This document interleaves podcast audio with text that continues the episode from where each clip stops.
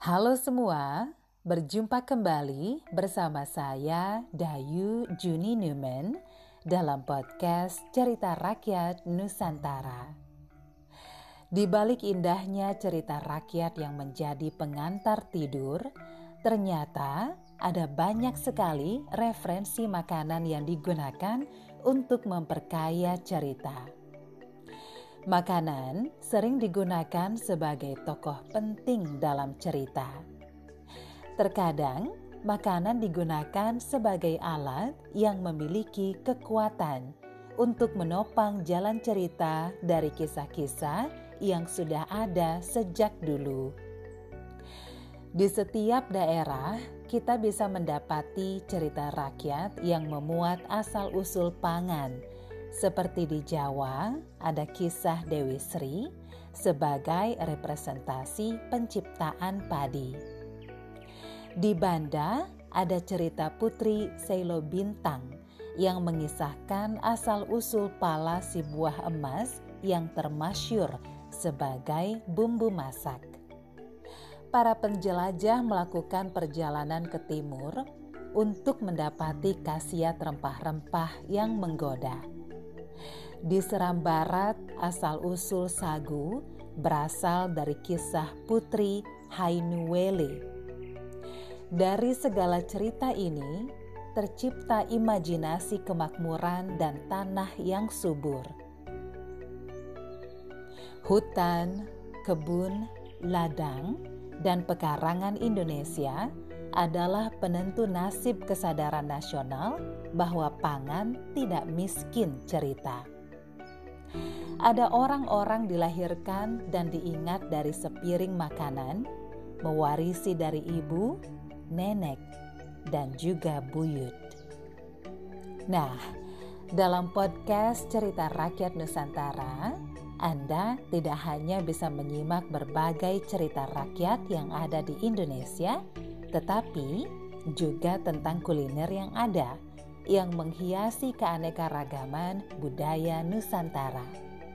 Untuk itu, di segmen Info Budaya kali ini, saya akan mengajak Anda untuk menyimak satu kuliner khas dari Bali, tepatnya dari Karangasem, yang tentu saja sayang sekali untuk dilewatkan. Jadi, jangan beranjak dulu.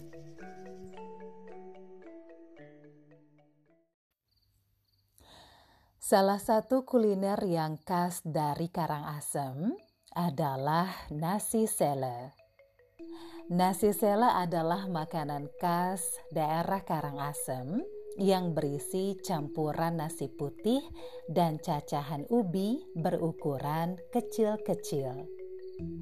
Pada tahun 1970-an, nasi sele sempat populer dan menjadi makanan pokok masyarakat setempat karena pada saat itu beras sangat langka di Bali. Hal tersebut menyebabkan sele, yaitu ketela atau ubi, menjadi alternatif bahan campuran nasi, gaplek, atau bahan makanan lain untuk menambah volume. Nasi sele yang mulanya merupakan makanan pertahanan di masa krisis menjadi hidangan yang begitu menggugah selera. Meskipun nasi sele merupakan makanan khas dari daerah Karangasem, namun Anda juga dapat menemukan nasi sele di daerah lainnya di Bali. Keunikan nasi sele adalah rasanya yang khas dengan perpaduan nasi dan sele yang dicampur dengan varian lainnya. Adapun saat ini, nasi sele telah mengalami variasi dalam pengolahannya, di mana nasi sele dicampur dengan jukut atau sayur bejek, ada grago atau udang kecil-kecil, kacang tanah, sayur bejak bumbu kalas, yaitu bumbu yang terdiri dari santan, daging, dan rempah-rempah, Kemudian ada juga nasi sele yang dicampur dengan sambal bongkot atau kecombrang. Selain varian tersebut, nasi sele juga dicampur dengan lauk ayam betutu, sate kulit ayam, pindang tongkol, urap sayur kacang panjang berisi mentimun dan kacang merah, pepes, dan sambal matah. Tentu saja, dengan campuran tersebut akan semakin menggugah selera makan kita. Iya, sejatinya nasi sele khas Karangasem ini dapat disajikan sesuai dengan selera masing-masing. Oleh karena itu, Anda bisa mencicipi nasi ini dengan ditemani kuliner tradisional yang begitu banyak jenisnya.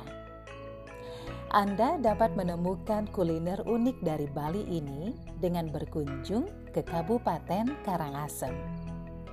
Di sana, Anda dapat menemukan cukup banyak rumah makan yang menyediakan kuliner nasi sele khas Karangasem.